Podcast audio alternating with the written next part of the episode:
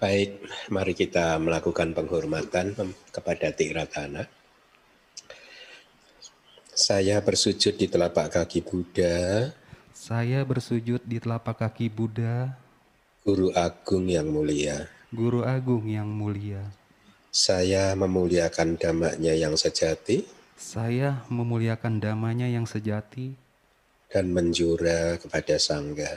Dan menjura kepada Sangga Sadu, sadu, sadu. Eh, Wandami para Bante Biku Sangga, Sukihontu para Samanera, Seale, Upasaka dan Upasika sekalian. Kita bertemu lagi di kelas Pariyati Sasana, also known as kajian kitab suci. Sebagai umat beragama, ya, tentunya mempelajari kitab suci adalah satu kegiatan yang seharusnya ditunggu-tunggu dan juga eh, sangat diidam-idamkan.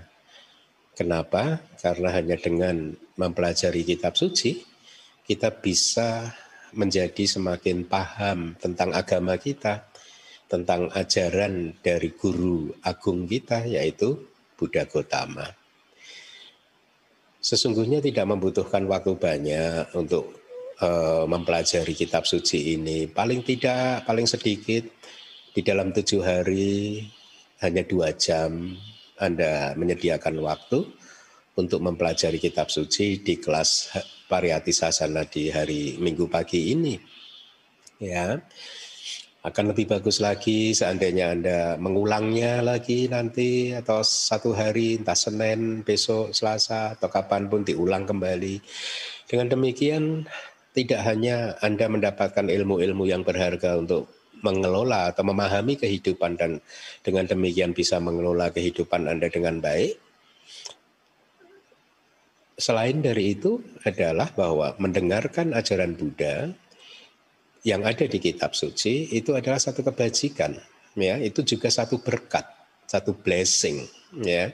Itulah mengapa mempelajari kitab suci menjadi satu kegiatan yang sangat seharusnya sangat diidam-idamkan oleh umat agamanya gitu ya. Nah pada pagi hari ini uh, kita akan mempelajari suta yang baru. Uh, sebenarnya bukan suta ya tapi ini lebih pada uh, saya menerjemahkannya itu uh, biografi.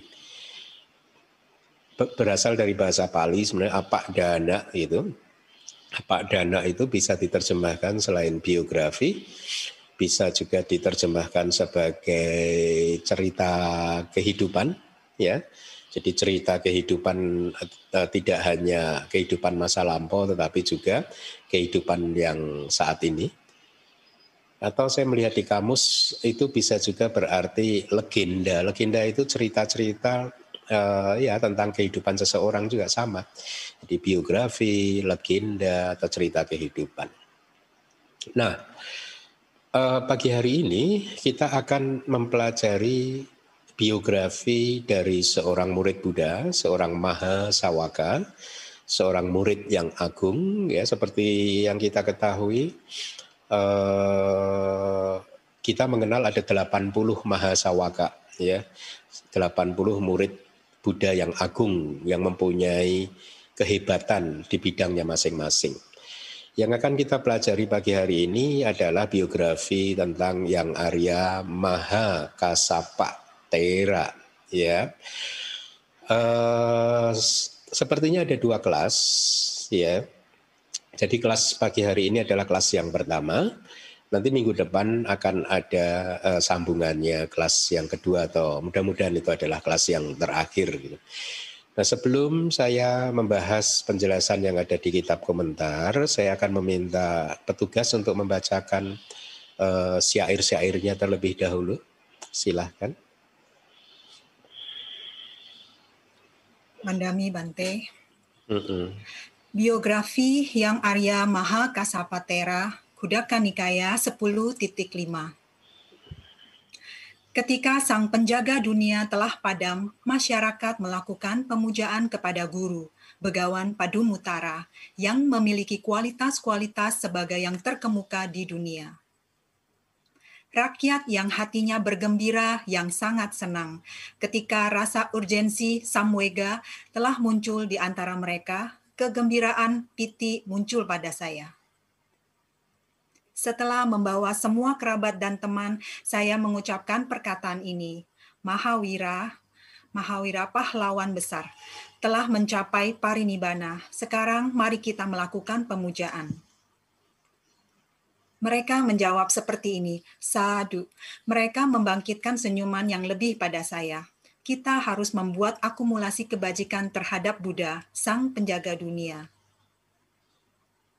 Setelah membuat rangkaian bunga yang dibuat dengan sempurna yang mencapai panjang 100 hasta dengan lebar satu setengah hasta, sebuah istana dengan ketinggian 50 hasta. Setelah membuat rangkaian bunga yang panjang di sana yang dihiasi dengan deretan belahan bambu, dengan membuat batin saya sendiri menjadi penuh keyakinan, saya memuja kepada Cetia yang tertinggi. Bagaikan gugusan api yang terang benderang seperti pohon peloso Butea frondosa yang penuh dengan bunga, seperti sebatang tongkat indah di akasa bersinar di empat penjuru. Dengan membuat batin saya sendiri menjadi penuh keyakinan setelah melakukan banyak perbuatan baik, dengan mengingat kama yang sebelumnya saya lahir kembali di 30 saya dijaga dengan kendaraan surgawi yang ditarik dengan seribu kuda yang terbaik, tempat tinggal saya yang tinggi hingga mencapai tujuh tingkat. Memiliki seribu menara yang runcing, semuanya terbuat dari emas. Menara-menara tersebut menyala karena cahayanya sendiri menerangi semua penjuru ada menara-menara yang lainnya juga.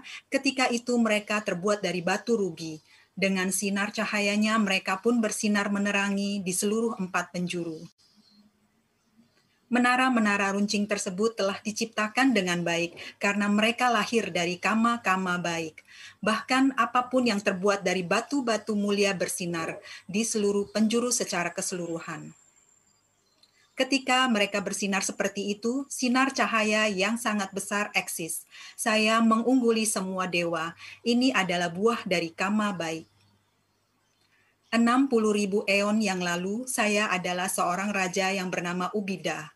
Berjaya di empat sisi, saya menguasai bumi ini.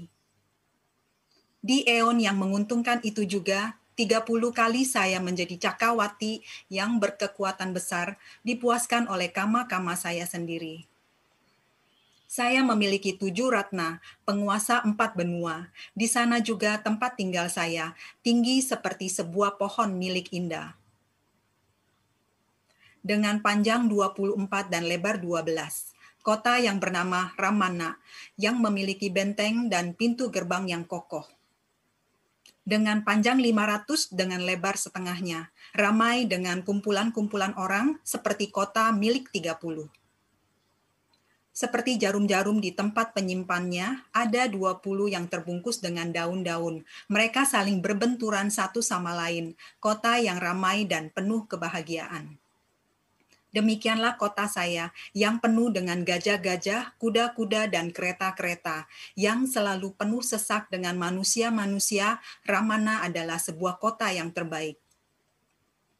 Setelah makan dan minum di sana, sekali lagi saya pergi ke keadaan sebagai dewa. Di kehidupan yang terakhir saya, saya lahir di keluarga yang sukses. Saya yang lahir di keluarga Brahmana yang memiliki timbunan Maharatna, setelah melepaskan 80 koti emas, saya menjadi seorang biku. Empat pengetahuan analitis dan delapan pelepasan juga. Enam pengetahuan yang lebih tinggi telah direalisasi. Ajaran Buddha telah dikerjakan. Faktanya dengan cara seperti itu, Yang Mulia Maha Kasapa mengungkapkan syair-syair ini ini adalah biografi Maha Kasapatera sebagai biografi yang ketiga. Ya, terima kasih uh, Dona.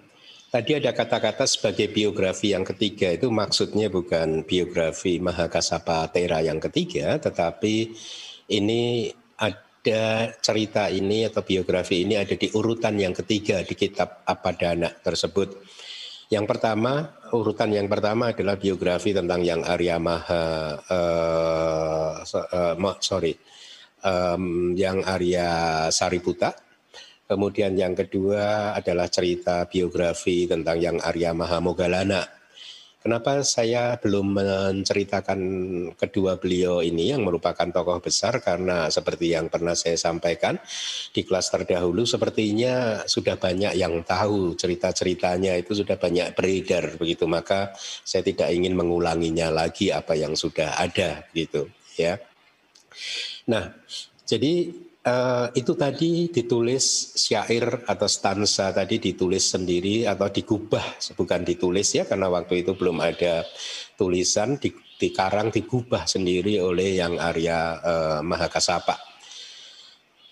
Siapakah beliau? Seperti yang sudah kita ketahui uh, bahwa beberapa saat sebelum Buddha Parinibbana, Buddha Gautama tidak menunjuk seorang figur sebagai pengganti beliau untuk meneruskan menjadi guru sangga atau orang tua sangga. Gitu. Sebaliknya, ketika ditanya siapakah yang akan menggantikan beliau, Buddha Gautama menjawab bahwa penggantinya adalah Dhamma dan Vinaya. Kenapa demikian? Hal ini saya rasa sangat bijaksana eh, karena Sesungguhnya di dalam damak dan winaya yang beliau babarkan selama 45 tahun ini,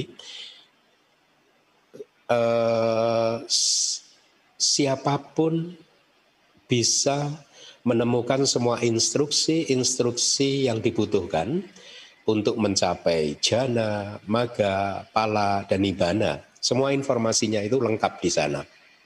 Ya atau bahkan siapa pun yang hanya sekedar ingin mengetahui ajaran Buddha, psikologi Buddha supaya bisa memah- uh, menjalani kehidupan yang damai dan bahagia di dalam kehidupan kali ini tanpa pernah memikirkan pencapaian jana, maga dan pala uh, juga nibana. Informasi-informasi itu juga cukup lengkap ada di dalam Dhamma dan Winaya yang juga kita kenal sebagai Tipitaka ya. Jadi siapa pun itu atau bahkan kalau orang hanya ingin menjalani kehidupan menjadi orang yang bermoral, yang memiliki sila, informasinya ada di sana ya. Jadi kitab kita ini Damak dan Winaya atau Tipitaka ini sudah sangat uh, lengkap dan itulah mengapa Buddha Gautama tidak bersedia atau tidak menunjuk seorang figur satu figur sebagai pengganti beliau ketika beliau nanti akan uh, parinibbana begitu ya. Tolong ditampilkan slide-nya. Damak dan Winaya itu uh, mungkin Anda sering mendengar seseorang menerjemahkan Damak dan Winaya sebagai Sutanta dan Winaya. Saya rasa itu terjemahan yang sangat uh, misleading gitu ya.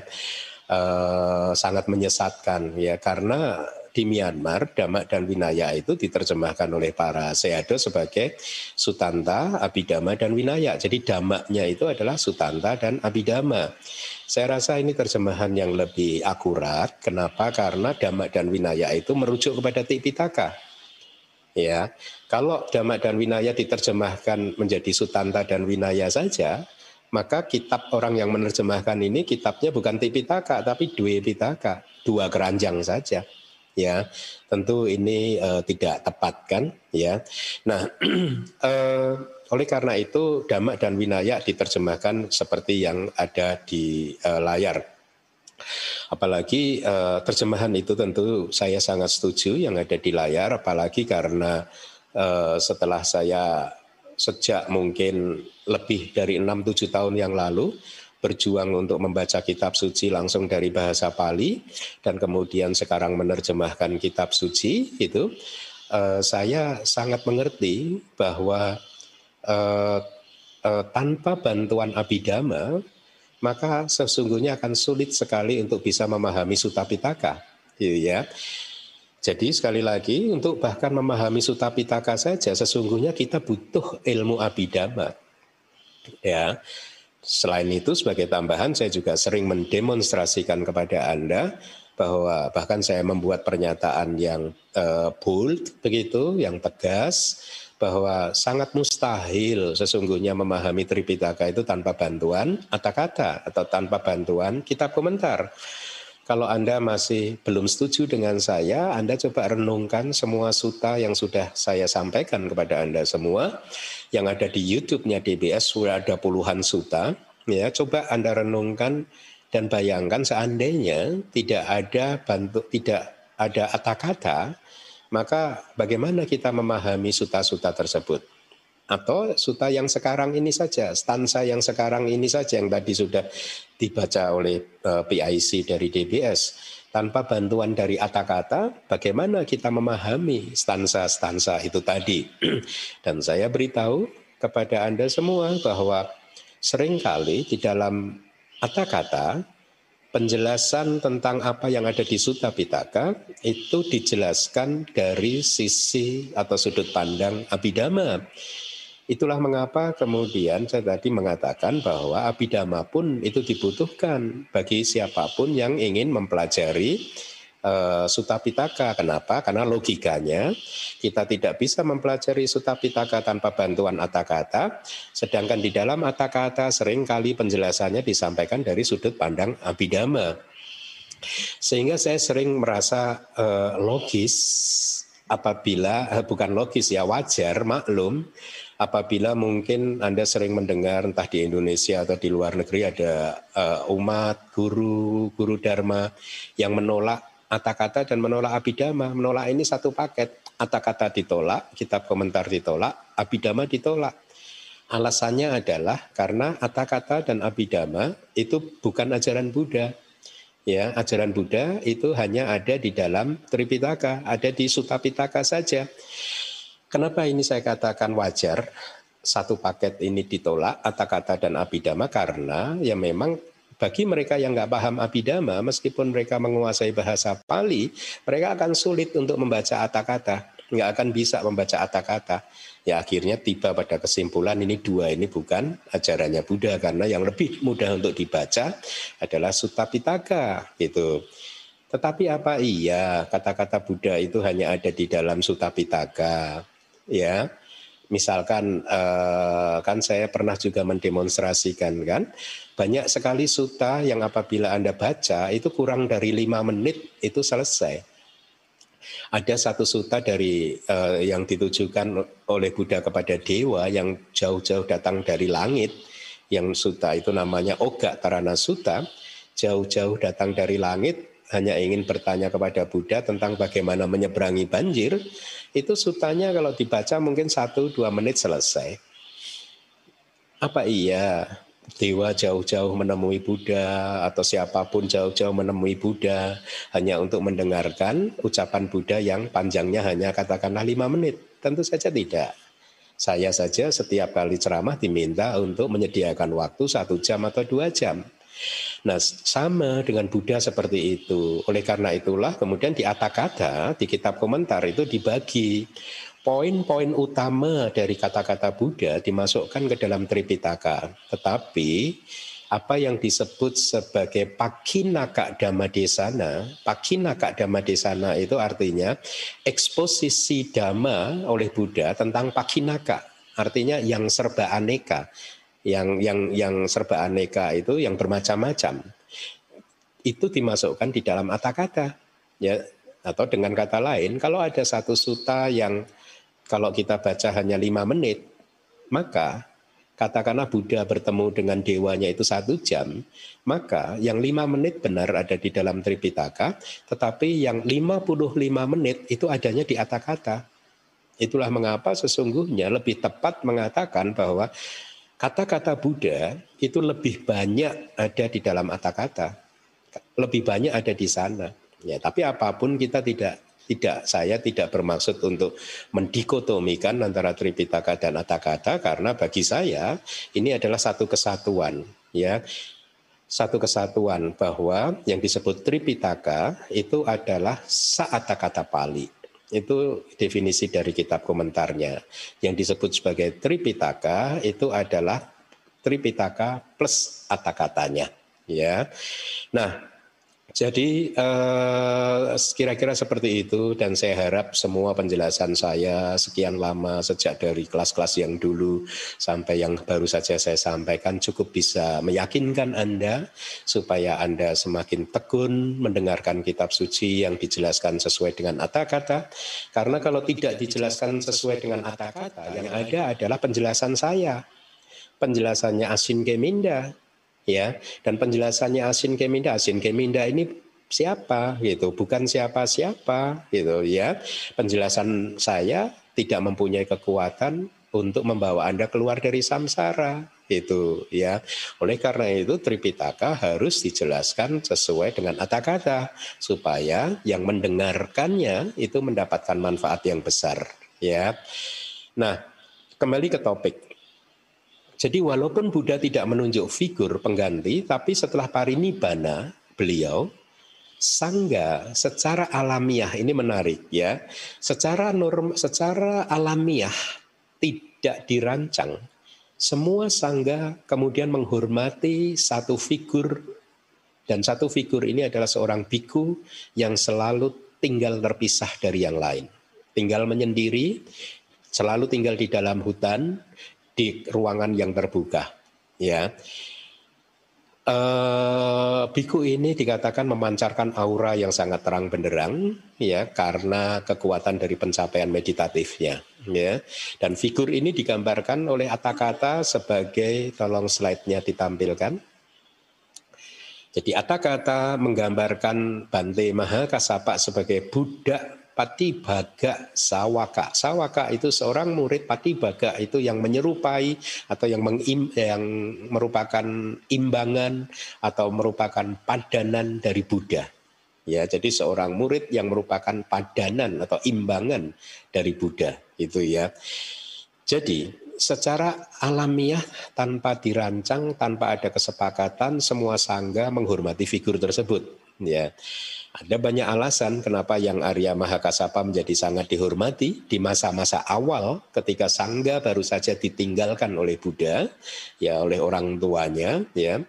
E, jadi bayangkan pada saat Buddha parinibbana itu Sangga itu ibaratnya anak-anak yang banyak anak-anak kecilnya itu ditinggal oleh orang tua satu-satunya. Jadi kayak akhirnya jadi anak yatim piatu begitu, tidak punya orang tua begitu ya. Nah, Kenapa uh, Sangga kemudian menghormati yang Arya Mahakasapa ada banyak alasan ya. Satu di samping beliau memiliki banyak kesamaan dengan Buddha. Misalkan kalau Buddha mempunyai 32 karakteristik Mahasata atau makhluk yang agung ya 32 karakteristiknya. Uh, yang Arya Mahakasapa memiliki tujuh karakteristik itu ya. Beliau juga selalu dipuji oleh Buddha perihal pencapaian meditatifnya dan juga realisasinya. Sebagai informasi, beliau ini juga merupakan satu-satunya biku di mana Buddha Gotama pernah bertukar jubah sebagai bentuk penghormatan Buddha kepada beliau. Bertukar jubah, ya. Jadi yang Arya Mahakasapa ini adalah seorang biku yang merupakan model seorang biku yang sangat disiplin dan mengabdikan dirinya benar-benar hanya pada meditasi ya dengan melalui praktek pertapaan yang keras atau bahasa palingnya dutangga itu ya.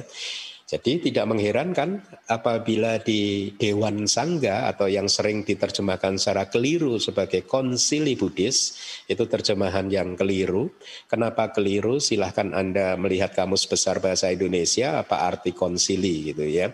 Sesungguhnya Sanggayana itu bis terjemahan harfiahnya itu adalah pengulangan ajaran pengumpulan dan pengulangan ajaran atau sering juga disebut sebagai dewan Buddhis, satu kumpulan sangga yang membentuk satu dewan untuk berdiskusi dan memutuskan sesuatu. Ya.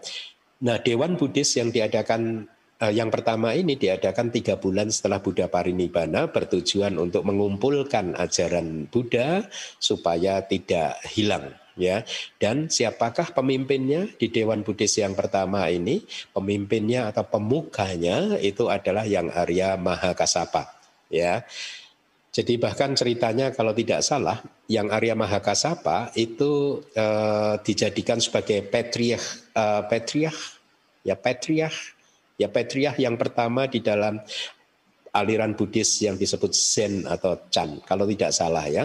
Jadi di aliran di Cina maupun di Jepang yang Arya Mahakasapa itu dianggap sebagai patriarch yang uh, pertama gitu. Oke, sekarang kita masuk ke komentarnya slide-nya tolong ditampilkan. Syair yang dimulai dengan kalimat Begawan Padu Mutara tersebut tadi adalah biografi yang Arya Mahakasapatera. Jangan bingung kenapa di syair terjemahan bahasa Indonesianya tidak dimulai dengan kalimat Begawan Padu Mutara karena memang struktur dari kata setiap kata di dalam bahasa Pali dan bahasa Indonesia itu berbeda. Apa yang ada di tempat pertama di kalimat bahasa Pali bisa saja kemudian kalau diterjemahkan di dalam bahasa Indonesia dia menjadi berada di tengah atau bahkan di urutan yang paling terakhir. Jadi itulah mengapa ada perbedaan urutan. Nah, seperti uh, kelas minggu lalu, uh, beliau pun yang nantinya akan menjadi Mahakasapa ini, yang Arya Mahakasapa, setelah melakukan adikara, saya harap Anda masih ingat apa itu adikara, yaitu pelayanan yang di luar batas kewajaran. Itu seperti Pertapa Sumeda menyediakan tubuhnya untuk dijadikan jembatan supaya Buddha uh, siapa uh, uh, supaya uh, siapa Buddha hmm, hmm? Saya jadi tiba-tiba lupa namanya itulah ya. Uh, bisa melewati uh, lumpur dengan tanpa uh, mengotori Buddha di Bangkara ya mengotori kaki ataupun jubahnya gitu ya. Itu itu adikara pelayanan yang di luar batas kewajaran. Nah, beliau pun juga yang kemudian nanti akan menjadi yang Arya eh, Mahakasapa juga melakukan adhikara ya untuk atau kepada para Buddha yang sebelumnya. Beliau juga mengakumulasi kebajikan-kebajikan yang kondusif untuk keluar dari samsara di berbagai kehidupan, Uh, juga beliau menjadi seorang tuan tanah, menjadi pemilik properti dengan kekayaan senilai 80 kodi itu ya. Kalau Anda mendengar kata kodi itu bahasa Pali, satu kodi itu equal atau ekuivalen dengan 10 juta. Jadi Anda tinggal kalikan saja kekayaannya 80 kali 10 juta uang di masa itu. Nah, pada suatu kehidupan, beliau lahir kembali di kota uh, seperti uh, cerita yang di minggu lalu. Beliau lahir di kota Hangsawati, ya, Hangsawati di zaman juga Buddha Padumutara itu ya dengan nama WDH. Saya rasa sangat masuk akal bahwa para mahasawaka pernah hidup di satu masa di zaman Buddha Padumutara. Kenapa? Karena e, untuk bisa menjadi mahasawaka seseorang itu harus menyempurnakan paraminya selama 100 ribu kalpa ya. Nah 100 ribu kalpa itu persis jarak antara Buddha Padumutara ke Buddha Gotama gitu ya. Kembali lagi pada saat itu beliau lahir sebagai seorang pemuda dengan nama WDH di zaman Buddha Padumutara di kota Hangsawati ya diceritakan bahwa beliau sangat berbakti kepada Buddha, Dhamma dan Sangha. Jadi ini adalah teladan. Ya, perhatikan setiap perbuatan atau kualitas baik dari para murid-murid agung ini karena itu seharusnya menjadi teladan bagi kita untuk mencontohnya, ya. Sebagai seorang upasaka, beliau rajin menjalankan uposata. Ini juga teladan. Di hari uposata dia akan datang ke wihara mempersembahkan kepada Buddha wewangian, bunga, dan lain-lain. Setelah mempersembahkan, dia bersujud dan duduk di tempat yang sepatutnya. Ini juga harus kita teladani, Anda teladani. Pada waktu itu juga, ketika si upasaka tadi sudah duduk di dekat Buddha, Buddha Padumutara sedang menetapkan salah satu muridnya, yaitu sebagai murid yang terkemuka nomor tiga, yang ketiga maksudnya dalam urutan yang ketiga.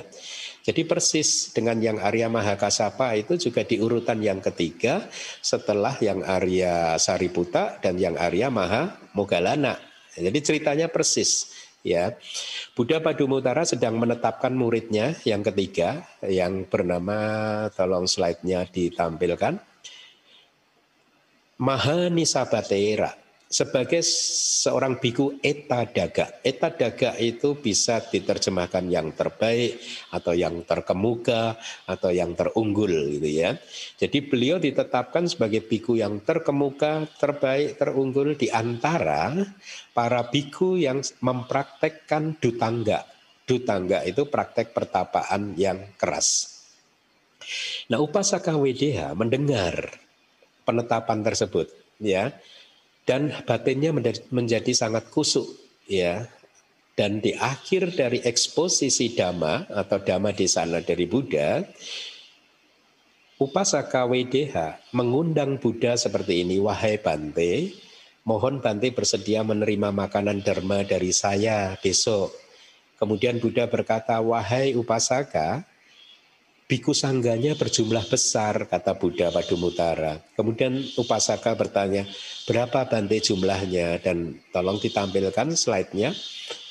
Sengaja saya tampilkan bahasa palinya supaya Anda yakin bahwa dan itu memang angkanya seperti itu. 6 juta 800 ribu uh, biku.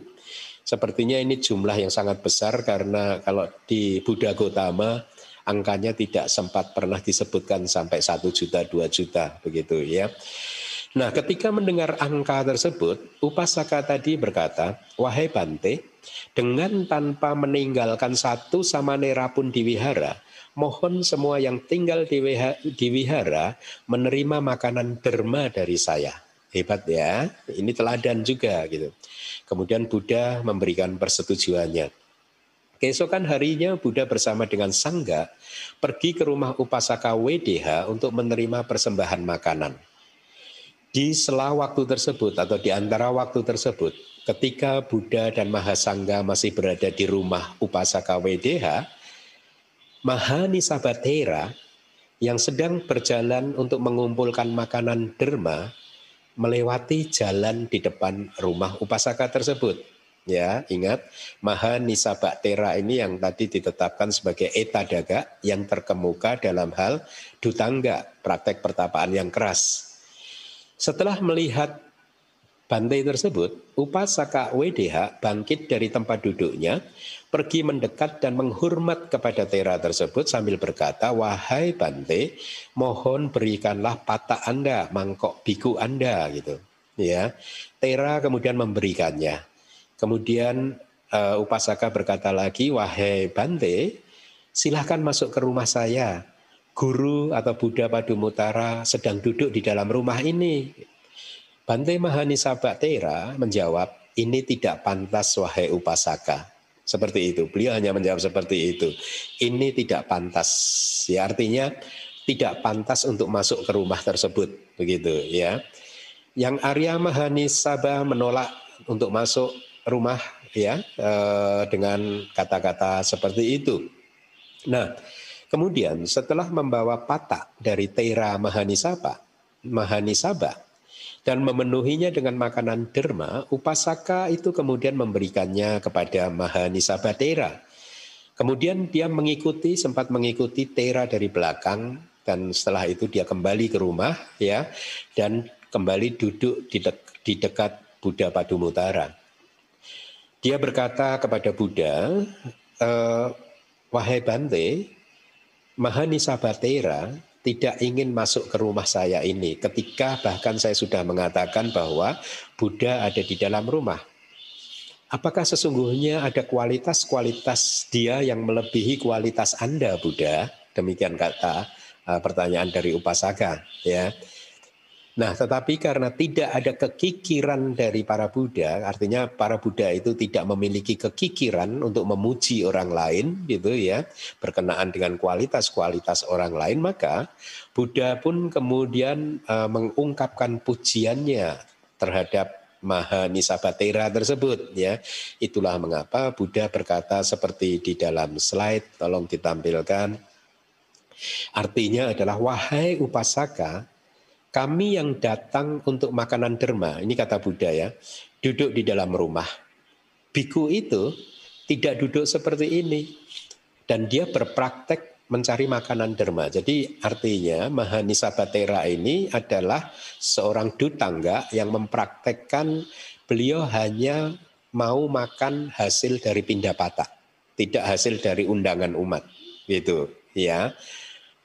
Ini kadang kalau umatnya tidak tahu bisa menjadi, terjadi kesalahpahaman kan. Untung dijelaskan oleh Buddha bahwa Mahanisabatera itu berpraktek hanya makan dari pindapata, mencari makanan derma gitu ya.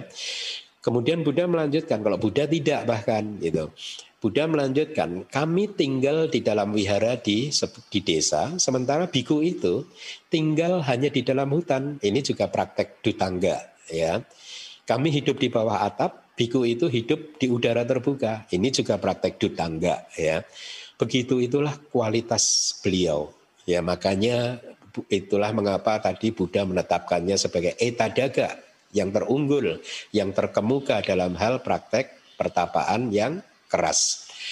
Nah, Buddha Padumutara terus memuji kualitas Maha Nisaba Tera jadi lihat ini adalah satu teladan juga. Jadi kita itu juga jangan pelit untuk memuji orang lain yang memang pantas untuk dipuji. Gitu. Upasaka WDH pun secara alamiah akhirnya menjadi seperti uh, lampu minyak yang menyala, yang penuh dengan minyak. Bayangkan ada lampu minyak sedang menyala, minyaknya penuh. Jadi nyalanya menjadi terang benderang begitu ya. Hatinya menjadi makin cerah dan terang benderang begitu. Setelah menjadi semakin kusyuk dan penuh keyakinan, maka upasaka WDH berpikir seperti yang ada di slide, tolong ditampilkan. Dia berkata, berpikir di dalam hati begini, berkata di dalam hati, apa gunanya pencapaian pengetahuan yang tertinggi saya? Artinya, apa manfaatnya pencapaian tingkat kesucian kearahantaan saya untuk menjadi seorang arahat gitu ya akan lebih baik apabila saya membuat aspirasi di hadapan satu Buddha untuk bisa mendapatkan status sebagai yang terbaik atau terkemuka, terunggul di masa yang akan datang di antara mereka yang memiliki faham praktek pertapaan yang keras. Jadi dia ingin menjadi seorang biku seperti Maha Nisabatera tadi gitu. Singkat cerita kemudian setelah beraspirasi, Upasaka kembali mengundang Buddha uh, sekali lagi dan mempersembahkan mahadana great donation kepada sangga yang sama tadi dengan angka jumlah angka yang sama selama tujuh hari berturut-turut ya persis dengan kualitas dana seperti yang sebelumnya. Tapi di hari yang terakhir di hari yang ketujuh dia mempersembahkan satu set tik ciwara. Tik ciwara itu tiga jubah. Tapi jangan diartikan tiga jubah itu. Tik ciwara ini adalah sebenarnya biku, uh, sorry, uh, jubah yang wajib dimiliki biku. Tik ciwara. Ya, sering diterjemahkan jadi tiga jubah, tetapi artinya tiga jubah itu bukan memiliki tiga set jubah, tetapi sebenarnya hanya memiliki satu set jubah. Karena satu set jubah itu terdiri dari tiga lembar jubah yaitu jubah eh, apa eh, yang itu sanggati, kemudian jubah yang ini saya pakai dan juga jubah bawah begitu ya. Nah kembali lagi di hari yang ketujuh dia mempersembahkan tik ciwara tiga satu set jubah tiga lembar tiga jubah masing-masing kepada Maha Biku Sangga yang dipimpin oleh Buddha dengan jumlah 6.800.000 tadi gitu ya. Hebat kan? Ya, ini juga teladan. Kalau Anda mempunyai kemampuan berdanalah, lakukanlah eh, eh, apa persembahan yang terbaik yang Anda bisa gitu. Kemudian setelah itu Upasaka WDH rebahan di kaki Buddha dan berkata seperti ini, wahai eh, Bante, ketika saya sedang mempersembahkan dana selama tujuh hari itu tadi, metang kayak kamang atau meta yang muncul melalui tubuh saya metang wacik kamang atau meta yang muncul melalui ucapan saya, metang manuk kamang, meta yang hanya muncul di dalam pikiran saya, itu terus menerus muncul selama tujuh hari di dalam rangkaian batin saya, kata-kata si upasaka. Jadi artinya ketika setujuh hari mempersembahkan dana besar kepada Buddha dan Sangga tersebut, itu meta yang melalui uh, tubuh dia muncul dengan cara melayani Buddha dan Sangga dengan uh, pikiran yang dipenuhi oleh meta, jadi melalui tangan, melalui mata dan lain sebagainya. Kalau metang wacikamang itu melalui ucapan lisan yang didorong oleh kekuatan pikiran yang dipenuhi oleh meta. Kemudian juga meta yang hanya melalui muncul di batin dalam bentuk mengharapkan Buddha dan Sangga untuk senantiasa berbahagia dan seterusnya.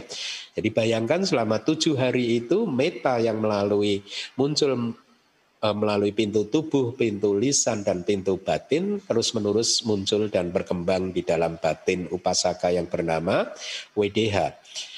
Lalu dilanjutkan ucapan upasaka tadi, dengan kebajikan yang sudah terakumulasi ini, saya tidak beraspirasi untuk pencapaian sebagai dewa, ataupun menjadi saka, ataupun menjadi mara, ataupun menjadi brahma. Akan tetapi, tolong disampilkan slide-nya.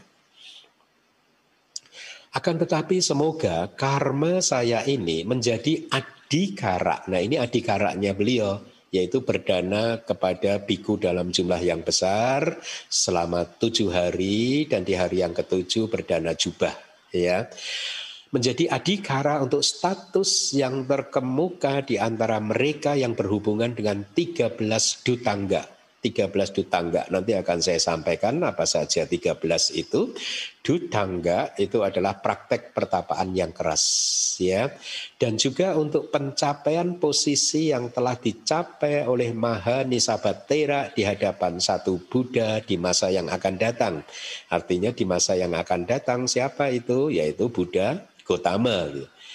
Nah 13 uh, dutangga ya kan tadi dikatakan 13 praktek pertapaan yang keras. Yang pertama itu adalah seorang biku memutuskan sepanjang hidupnya atau dalam periode tertentu dia hanya mau memakai jubah yang berasal dari kain-kain yang dibuang di tanah biasanya kain-kain kafan kalau di zaman Buddha dulu ya kain orang yang meninggal yang ada di pekuburan itu ada kain yang tersisa lalu kain-kain sobekan-sobekan kain itu dikumpulkan dan kemudian dijahit disambung satu persatu sehingga bisa menjadi jubah ya.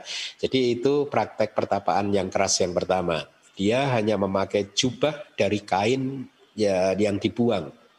Kemudian yang kedua hanya membawa tikciwara hanya membawa tiga jubah, artinya hanya membawa satu set jubah, yaitu antara wasaka, antara wasaka itu jubah bawah, ya. Kemudian utra sangga, utra sangga itu jubah atas, ya, seperti yang saya pakai ini.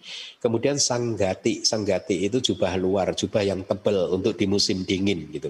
Jadi hanya memutuskan untuk mempunyai tiga lembar jubah ini saja, itu juga salah satu dutangga. Kemudian yang ketiga dia hanya makan yang makanan yang berasal dari hasil pindah patah seperti Mahanisa Batera tadi ya. Makanya ketika dipanggil untuk masuk ke dalam rumah bersama ada Buddha di dalam, beliau mengatakan ini tidak pantas, artinya tidak pantas untuk praktek dutangganya beliau gitu ya, sangat disiplin gitu. Kemudian yang keempat, eh, prakteknya adalah berpindah patah tanpa melewati satu rumah pun. Ya, jadi berurutan. Tidak ada satu rumah yang dilewati, dilompati begitu. Ya. Kemudian yang kelima makan hanya satu kali sehari begitu. Kemudian yang keenam tidak menerima makanan tambahan setelah mulai makan. Jadi eh, ya apa saya dulu juga ini juga pernah mempraktekkan. Jadi ketika sudah mengambil makanan sudah tidak mau mengambil makanan lagi gitu, tidak. Dan kalau ada dana dari umat juga saya uh, uh, mengatakan itu tadi apa ini cukup begitu. Kemudian hanya tinggal di hutan ya, tidak mau tinggal di tempat lain nih seperti Mahanisa Batera tadi, hanya tinggal di bawah pohon, kemudian yang kesembilan, hanya tinggal di udara yang terbuka. Yang kesepuluh, makan apa pun yang ada di dalam patak. Jadi ketika sudah masuk di dalam pata ya hanya makan itu saja, tidak makan apa pun yang ada di luar pata. Ini juga pernah gitu kita praktekkan. Jadi makanan apa pun dicampur di dalam satu pata tersebut. Kemudian yang ke-11 tinggal hanya di pekuburan, yang ke-12 tidur di tempat yang sudah ditentukan saja ya. Kalau sudah menentukan tidur di sini ya dia akan tidur di sini terus, tidak akan berpindah-pindah. Kemudian yang terakhir adalah menolak posisi rebahan. Ya, jadi eh, tidak rebahan sama sekali. Jadi hanya berdiri, berjalan, duduk saja. Ini guru penahbis saya dulu mempraktekkan uh, dutangga yang ini gitu, menolak posisi rebahan gitu. Jadi kata beliau, beliau kalau tidur pun ya sambil duduk begitu, tidak rebahan. Nah, Buddha Padumutara eh, mengamati apakah aspirasi upasaka WDH ini akan terpenuhi atau tidak. Dan beliau mengetahui bahwa di akhir dari seratus ribu kalpa yang akan datang, akan muncul seorang Buddha dengan nama Gotama, ya, dan kemudian Buddha Padumutara, kamu berkata kamu akan menjadi murid yang terkemuka ketiga setelah yang Arya Sariputa dan yang Arya Mahamogalana ya persis eh, posisinya itu persis seperti yang Arya Mahanisa Batera tadi gitu ya dan Buddha Padumutara menambahkan kamu akan dikenal dengan nama Maha Kasapa Maha itu agung, Kasapa itu namanya. Berarti Maha Kasapa itu Kasapa yang agung gitu ya.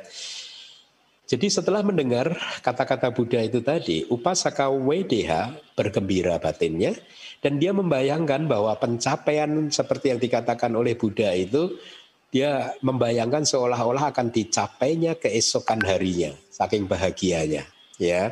Dan lalu di sepanjang kehidupannya dia terus-menerus memberikan dana, mematuhi sila, ini penting. Jadi anda tidak cukup loh hanya berdana saja. Dana Anda supaya bisa berbuah besar harus diperkuat dengan sila gitu ya. Dan kemudian melakukan berbagai macam kebajikan yang lain. Setelah meninggal dunia, dia lahir di surga. Sejak dari itu, dia menikmati keberhasilan kelahiran di antara para dewa dan manusia. Lalu, dia lahir di keluarga Brahmana yang sudah tua di zaman Buddha Wipasi. Jadi lihat beliau sudah bertemu dengan dua Buddha. Yang pertama Buddha Padumutara, sekarang beliau bertemu lagi dengan Buddha Wipasi. Buddha Wipasi ini Buddha ke, kalau Buddha Gotama Buddha ke-28, Buddha Wipasi itu Buddha ke-22. ya. Dan eh, dia tinggal di dekat Taman Rusa, di kota yang bernama Banduk Mati, B A N D H U M A T I panjang. Buddha Wipasi mengajarkan dhamma di tahun yang ketujuh dan pada saat itulah terjadi kegemparan.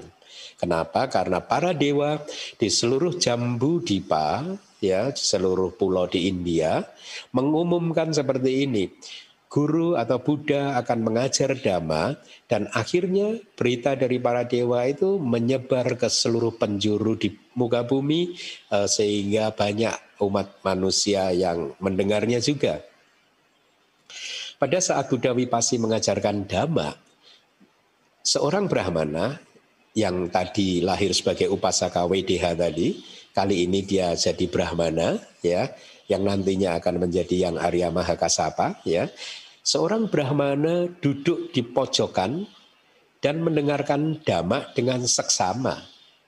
Dan pada waktu itu lima jenis piti, faktor mental piti atau kegembiraan muncul meresap di sekujur tubuh Brahmana tersebut di sepertiga malam yang pertama. Artinya di antara pukul 6 sore sampai pukul 10. Jadi sepanjang waktu itu lima jenis piti itu muncul pada pada pada Brahmana ini.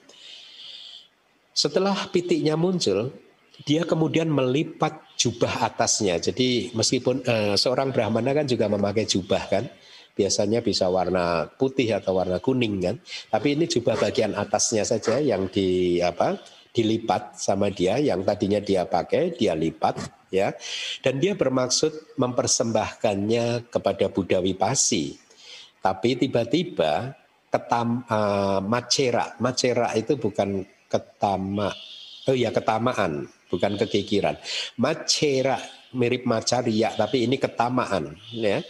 Ketamaan muncul ketika memikirkan ribuan kerugiannya apabila jubah atas ini dia persembahkan kepada Buddha. Dia berpikir, saya hanya punya satu jubah atas ini saja. Dan ini pun untuk saya dan istri saya, ini kata dia ya. Tidak ada lagi jubah atas kalau ini saya persembahkan ya. Kalau ini saya persembahkan ke Buddha, saya tidak akan bisa lagi pergi-pergi tanpa memakai jubah atas ini, begitu ya.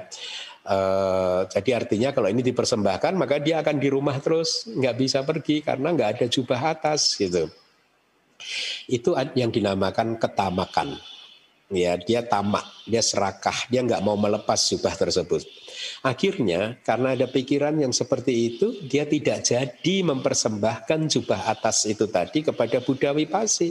Ya, lalu uh, waktu berjalan, di waktu jaga yang bagian tengah, jadi di antara jam 10 malam sampai jam 2 dini hari, piti atau kegembiraan muncul lagi. Seperti tadi, lima jenis piti itu muncul lagi. Nanti juga akan saya jelaskan apa itu lima jenis piti atau lima jenis kegembiraan.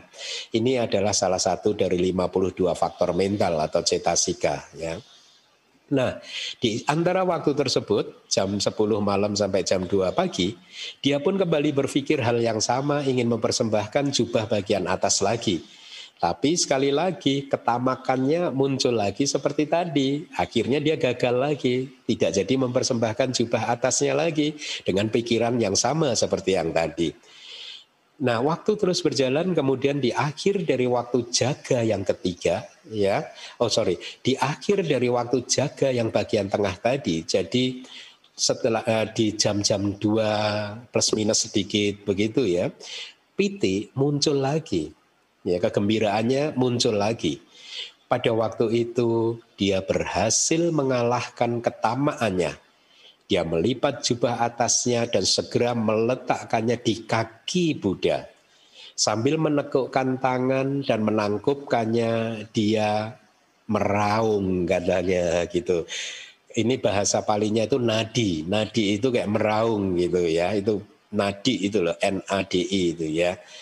Meraung kalimat yang ada di layar itu tiga kali. Ya, dia mengatakan begini, telah ditaklukkan oleh saya telah ditaklukkan oleh saya itu tiga kali.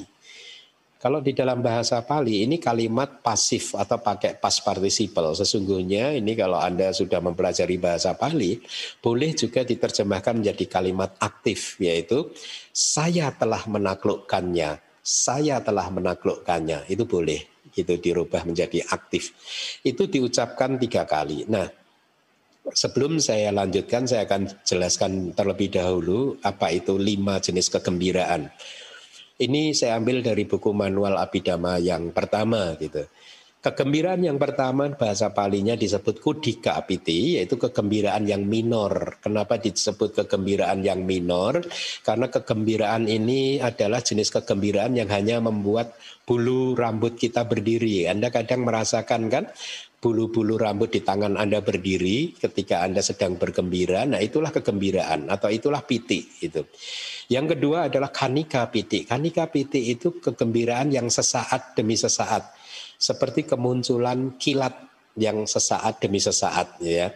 Kegembiraan muncul, lenyap lagi, kemudian sesaat kemudian muncul lagi, demikian seterusnya. Kegembiraan yang ketiga adalah okantika piti. Okantika piti ini adalah kegembiraan yang muncul sekali ini berulang-ulang. Jadi diberikan perumpamaan seperti ombak lautan yang bergemuruh yang memecah pantai yang datang berulang-ulang ke pantai. Jadi kegembiraan ini muncul berulang-ulang terus seperti ombak tadi itu yang datang ke pantai bersambungan begitu.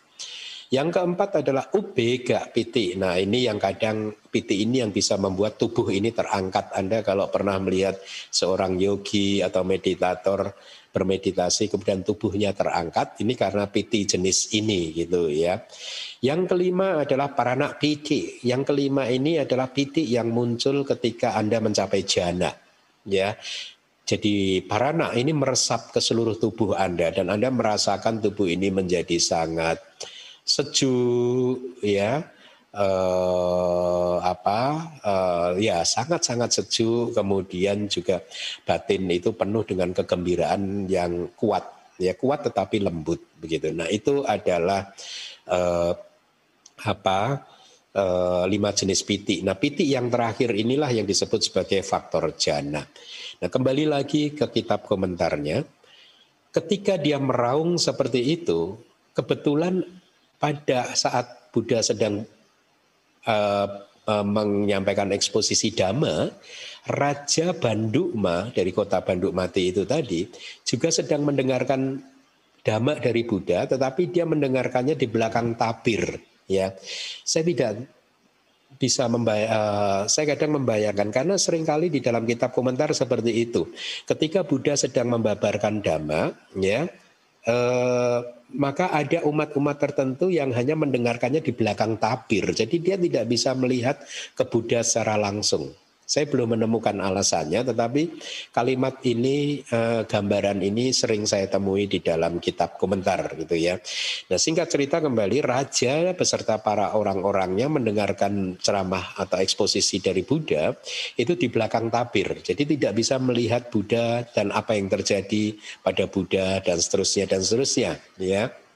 Nah, ketika Raja Bandukma mendengar kata-kata telah ditaklukkan oleh saya itu tadi dia jadi tidak senang karena dia berpikir oh ini jadi menyaingi dia nih kan biasanya yang menaklukkan musuh itu raja gitu kan ya. Oleh karena itulah kemudian dia meminta anak buahnya untuk menanyakan apa maksud dari kata-kata itu.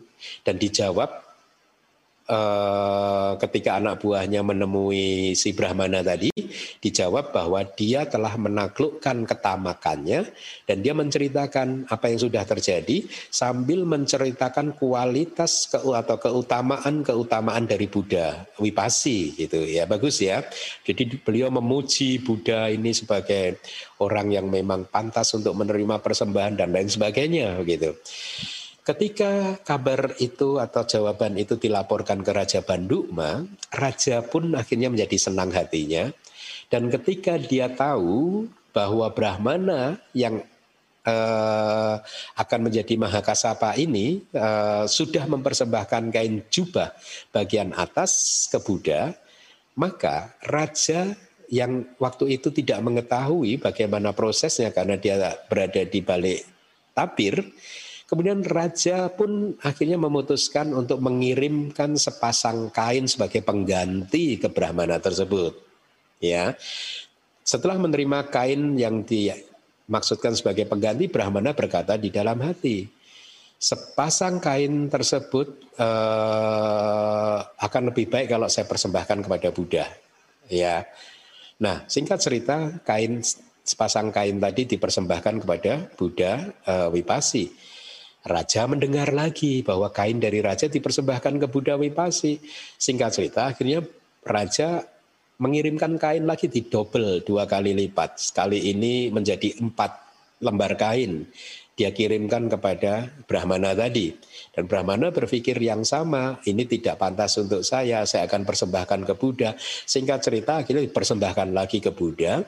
Dan Raja mendengar lagi, akhirnya dikirimkan lagi Demikian terus terjadi sampai ketika raja mengirimkan 30 lembar kain kepada Brahmana tersebut. Ya, dan ketika 30 lembar kain itu uh, dikirimkan, uh, si Brahmana berkata, sepasang kain ini makin lama jadi makin meningkat dan meningkat gitu. Sudah seperti tumpukan kain saja. Dan akhirnya dia berpikir begini, dia memutuskan dia pun mengambil dua pasang kain jubah untuk dirinya sendiri dan untuk istrinya dan uh, sisanya dipersembahkan kepada uh, Buddha Wipasi gitu. Brahmana berpikir seperti ini. Raja tidak memberi saya apa pun ketika saya duduk diam. Tapi dia memberi saya kain ini ketika saya berbicara tentang kualitas Buddha. Jadi sesungguhnya yang berhak menerima sepasang kain ini adalah Buddha ya dan itulah mengapa saya harus mempersembahkan sepasang kain ini kepada Buddha paham ya maksudnya ya jadi si Brahmana tadi berpikir yang sangat bagus tadi ketika saya belum bercerita tentang kualitas Buddha Raja diam saja, nggak mempersembah, nggak mengirimkan kain. Tetapi ketika saya bercerita tentang kualitas Buddha kepada orang-orangnya atau pengawalnya, tiba-tiba dia mengirimkan kain. Jadi artinya ini sesungguhnya yang berhak adalah Buddha. Itulah mengapa kain dari raja terus dipersembahkan oleh Brahmana kepada Buddha Wipasi gitu. Nah, eh, raja di sisi lain raja bertanya apa yang dia lakukan? Dan ketika raja mendengar penjelasan bahwa kain dari dia dipersembahkan ke Buddha, raja pun uh, semakin apa uh, semakin senang dan berbahagia gitu ya. Uh, lalu uh, apa setelah uh, satu kain diambil untuk dirinya sendiri yaitu untuk Brahmana dan istrinya itu tadi ya dan sisanya dipersembahkan ke Buddha dikatakan di dalam kitab komentar bahwa sejak saat itu Brahmana tadi menjadi sangat akrab dengan Buddha Wipasi. Jadi jadi setelah melihat uh, dia yang sedang mendengarkan dhamma di dekat Buddha di musim dingin gitu uh, Raja Banduk Mati tadi setelah melihat Brahmananya dengan mata kepalanya sendiri, dia kemudian memberikan selimut wool, wool gitu ya, yang berwarna merah yang diselimutkan sendiri oleh raja dan berkata kepada Brahmana seperti ini. Mulai sekarang kalau mendengarkan dhamma, tolong kamu memakai selimut ini ya supaya nggak kedinginan, maksudnya begitu ya. Dan Brahmana berpikir seperti ini, apa gunanya selimut ini dipakaikan ke tubuh saya yang menjijikkan ini? dia akhirnya membuat kanopi dengan selimut tadi ya jadi selimut tadi dibuat sebagai kanopi yang uh, uh, ditempatkannya di atas ranjang Buddha Wipasi gitu. Di dalam gandak kutinya atau uh, bilik harumnya atau kuti harum dari uh, Buddha gitu ya. Setelah membuatnya menjadi kanopi di atas ranjang Buddha Brahmana tersebut pergi. Kemudian singkat cerita pada suatu hari raja pergi ke wihara di pagi-pagi sekali dan duduk di dekat di dalam ganda kuti di dekat Buddha ya. Pada saat itu dia melihat ada enam warna cahaya keluar dari tubuh Buddha mengenai selimut wool tadi ya yang membuat selimut itu tadi menjadi semakin terang benderang, menyala, bersinar begitu. Raja kemudian mengenali selimut itu dan berkata kepada Buddha bahwa selimut itu adalah selimut yang dia berikan kepada Brahmana. Dan Buddha berkata, "Wahai raja, Brahmana itu telah dihormati dengan persembahan selimut ini oleh kamu dan saya telah dihormati oleh Brahmana tersebut dengan persembahan ini gitu ya. Ketika mendengar kata-kata Buddha Wipasi, raja senang dan menobatkan Brahmana tersebut sebagai penasehat spiritual pribadinya atau sebagai pendeta pribadinya atau guru agama pribadinya kira-kira seperti itu. Purohita bahasa palinya. Brahmana meneruskan kebiasaannya berdana dan menjaga sila meskipun sudah menjadi purohita dari raja, ya penasehatnya raja gitu. Dan singkat cerita setelah dia meninggal dunia dari kelahirannya saat itu, dia akhirnya lahir di surga. Setelah meninggal dunia dari surga, di kalpa yang saat ini, di antara zaman Buddha Kona Gamana itu Buddha ke sebelum Buddha Kasapa berarti Buddha ke-26 dan Buddha Kasapa sebagai Buddha yang ke-27, Buddha Gotama yang ke-28. Jadi di antara waktu dari Buddha Kona Gamana yang ke-26 dan Buddha Kasapa yang ke-27, dia lahir di sebuah keluarga. Ya. Sepertinya dia lahir hanya di keluarga ini dugaan saya Gahapati, penghuni rumah di Benares ya. Jadi singkat cerita ini bisa diartikan dia lahir di masa tidak ada Buddha. Karena di antara Buddha Konagamana dan Buddha Kasapa ya. Jadi ketika tidak ada ajaran Buddha begitu. Ketika beranjak dewasa, dia yang berjalan-jalan di hutan melihat Paceka Buddha yang sedang mencuci jubahnya di pinggir sungai ya dan ketika jubahnya sudah hampir uh, sudah kering Paceka Buddha itu hendak memakai jubahnya pemuda tadi yang nantinya akan menjadi yang Arya Kasapa bertanya Kenapa Anda memakai jubah? Jadi dia lupa dengan pengalaman-pengalaman masa lalunya itu, ya. Kenapa Anda memakai jubah? Paceka Buddha menjawab, karena anginnya tidak bersahabat. Pemuda tadi kemudian secara spontan mempersembahkan jubah atasnya dan berkata, "Wahai Bante, silahkan memakai ini." Dan dia mengucapkan aspirasinya. Ya, aspirasinya di sini bukan abinihara ya aspirasi ini kadang juga memakai kalimat Pali patana P A T T H A N A pendek semua.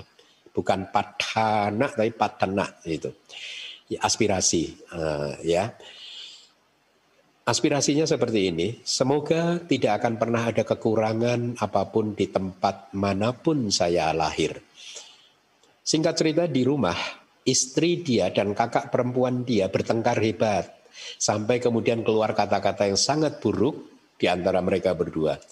Ketika kakak perempuan dia berderma makanan ke Paceka Buddha, istri dia marah dan membuang makanan di dalam patah Paceka Buddha tadi dan menggantinya dengan lumpur dengan berpikir semoga saya tidak ingin uh, siapa pun makan nasi derma dari kakaknya tadi gitu ya.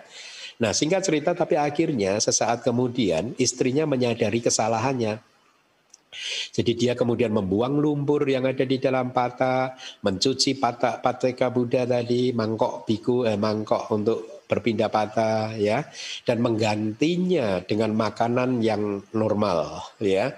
Dan kemudian si istri juga mengucapkan aspirasinya, seperti halnya makanan ini yang bersinar dan berbau harum, semoga tubuh saya juga bersinar terang, ya. Kemudian Paceka Buddha mengucapkan anumodana dan pergi. Suami istri ini, jadi yang nantinya menjadi yang Arya Mahakasapa dan istrinya ini, ya, akhirnya lahir di surga. Dan dari surga, Upasaka yang laki lahir di sebuah keluarga di Benares, Varanasi, yang memiliki kekayaan 80 koti di zaman Buddha Kasapa. Nah, sekarang sudah ada Buddha, ya. Jadi beliau bertemu dengan berapa Buddha nih? Yang pertama Buddha Padumutara, kemudian Buddha Wipasi, dan sekarang Buddha Kasapa. Dan nanti akan bertemu dengan Buddha Gotama. Ya, bagaimana dengan kita? Ya, kita lupa kita pernah bertemu atau tidak dengan para Buddha. Kemungkinan besar belum. nah, saya lanjutkan. Si perempuan yang tadinya jadi istrinya lahir lagi jadi perempuan lagi di kota yang sama, dia jadi putri seorang bangkir. Mereka berdua dinikahkan lagi dan disebabkan oleh karma aku salah di masa lalu, karma yang buruk di masa lalu. Ketika si istri memasuki rumah mertuanya, maka rumah tersebut jadi berbau busuk seperti bau kotoran manusia. Ya, tidak disebutkan karma buruk masa lalunya, tapi kemungkinan ada hubungannya dengan karma buruk dia memasukkan makanan uh, lumpur tadi ke mangkok dari Paceka Buddha atau karena pertengkaran dengan kakaknya tadi, ya mungkin masih ada hubungannya. Gitu. Nah ternyata bau kotoran manusia itu datang dari tubuh perempuan itu. Ketika tahu ini, pemuda tidak menghendakinya, si laki-laki tidak menghendaki istrinya dan meminta perempuan itu dikeluarkan dari rumahnya. Dia akhirnya si perempuan tadi singkat cerita diceritakan ditolak di tujuh tempat di mana pun dia berada. Tidak lama kemudian Buddha Kasapa Parinibbana. Orang-orang membangun Cetia untuk Buddha Kasapa yang untuk Parinibbananya Buddha Kasapa. Ketika, ketika Cetia sedang dibangun, si putri bangkir tadi, si perempuan yang tadinya jadi istri pemuda tadi, yang akan jadi yang Arya Mahakasapa, ya, berpikir, saya telah ditolak di tujuh tempat, apa gunanya hidup lalu? Gitu. Dan dia pun kemudian mempersembahkan semua yang dimilikinya, semua perhiasannya untuk Cetia, apa pun itu yang uh, harta kekayaan dia dia persembahkan kepada Cetia dan beraspirasi. Semoga di setiap kelahiran saya harum kayu cendana keluar dari tubuh saya dan semoga harum bunga teratai putih keluar dari mulut saya.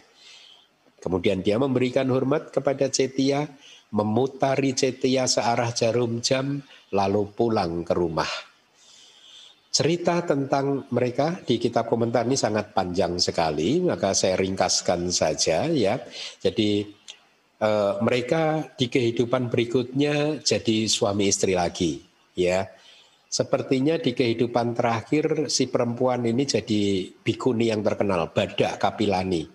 Kemungkinan juga cukup mempunyai hubungan dekat dengan yang nantinya akan menjadi Mahakasapa. Ya. Tapi untuk jelasnya Eh, minggu depan akan saya sampaikan ya. Jadi mereka di kehidupan berikutnya jadi suami istri lagi. Setelah berulang demikian di beberapa kehidupan, akhirnya singkat cerita ya saya persingkat, mereka berdua berhasil mengembangkan jana dan akhirnya sama-sama lahir di dunia para Brahma itu ya. Nah, ketika mereka dilahir atau berada di dunia para Brahma, atau lahir sebagai Brahma, guru kita, saya itu selalu suka kitab komentar itu kalau memanggil Buddha Gotama itu sering dengan kata-kata guru kita begitu. Ya atau bahasa palinya amhakang satha guru kita guru kami begitu. Ya ya wajar karena memang kan komentar ini berkembang di zaman Buddha Gotama dan ini dikembangkan apa eh, dihafalkan oleh murid-murid Buddha Gotama kan? Maka kita akan sering menemui kata-kata amhakang satha artinya guru kita atau guru kami itu merujuk kepada Buddha gitu ya. Saya setiap kali bertemu dengan kata-kata ini hati saya kayak muncul piti juga gitu kadang muncul eh, kata-kata uh, yang muncul amhakang bagawa gitu. Atau begawan kita Buddha kita gitu ya. Uh, saya lanjutkan. Jadi komentar mengatakan ketika si dua orang tadi yang nantinya itu kalau saya tidak salah yang perempuan akan jadi bikuni pada Badak Kapilani. Kalau saya tidak salah ya tapi kepastiannya minggu depan. Tapi kalau yang pemudanya itu pasti itu akan menjadi Mahakasapa gitu. Jadi ketika mereka uh, terlahir di alam Brahma Buddha Gautama muncul di dunia lahir di dunia manusia gitu ya. Jadi uh, uh, apa Eh, ketika dengan kata lain ketika Buddha itu Pangeran Siddhartha lahir, mereka masih berada di alam Brahma.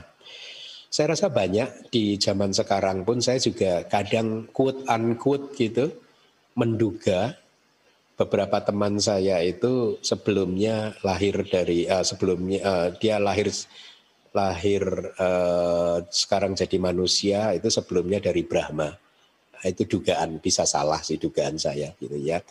Nah begitu ceritanya kita lanjutkan uh, minggu depan ya karena ini cerita menurut saya sangat menarik sih. Uh, cerita minggu depan harusnya juga menjadi semakin menarik lagi gitu ya karena apa eh, keunggulan-keunggulan atau keutamaan-keutamaan atau kualitas-kualitas baik dari yang Arya Kasaba itu memang sangat menginspirasi gitu. Jadi saya cukupkan dulu kelas pertama sampai di sini. Kita lanjutkan kelas yang kedua eh, minggu depan bercerita mulai dari eh, apa yang sudah kita tutup di kelas yang pertama ini. Saya akan lanjutkan. Demikian mudah-mudahan bermanfaat. Terima kasih. Sadu, sadu, sadu. Anumodana Bante atas penjelasan suta yang telah disampaikan kepada kami. Semoga kami semua mendapatkan manfaat tertinggi dari pendengaran dhamma ini. Bagi kalian namita yang membutuhkan slide kelas hmm, Pariyati Sasana ini dapat mengunduhnya di website DBS www.damawihari.or.id atau ada di tautan pada deskripsi YouTube ceramah kelas PS ini. Eh, selanjutnya kita akan memasuki sesi tanya jawab. Untuk itu akan saya bacakan tata tertib sesi tanya jawab.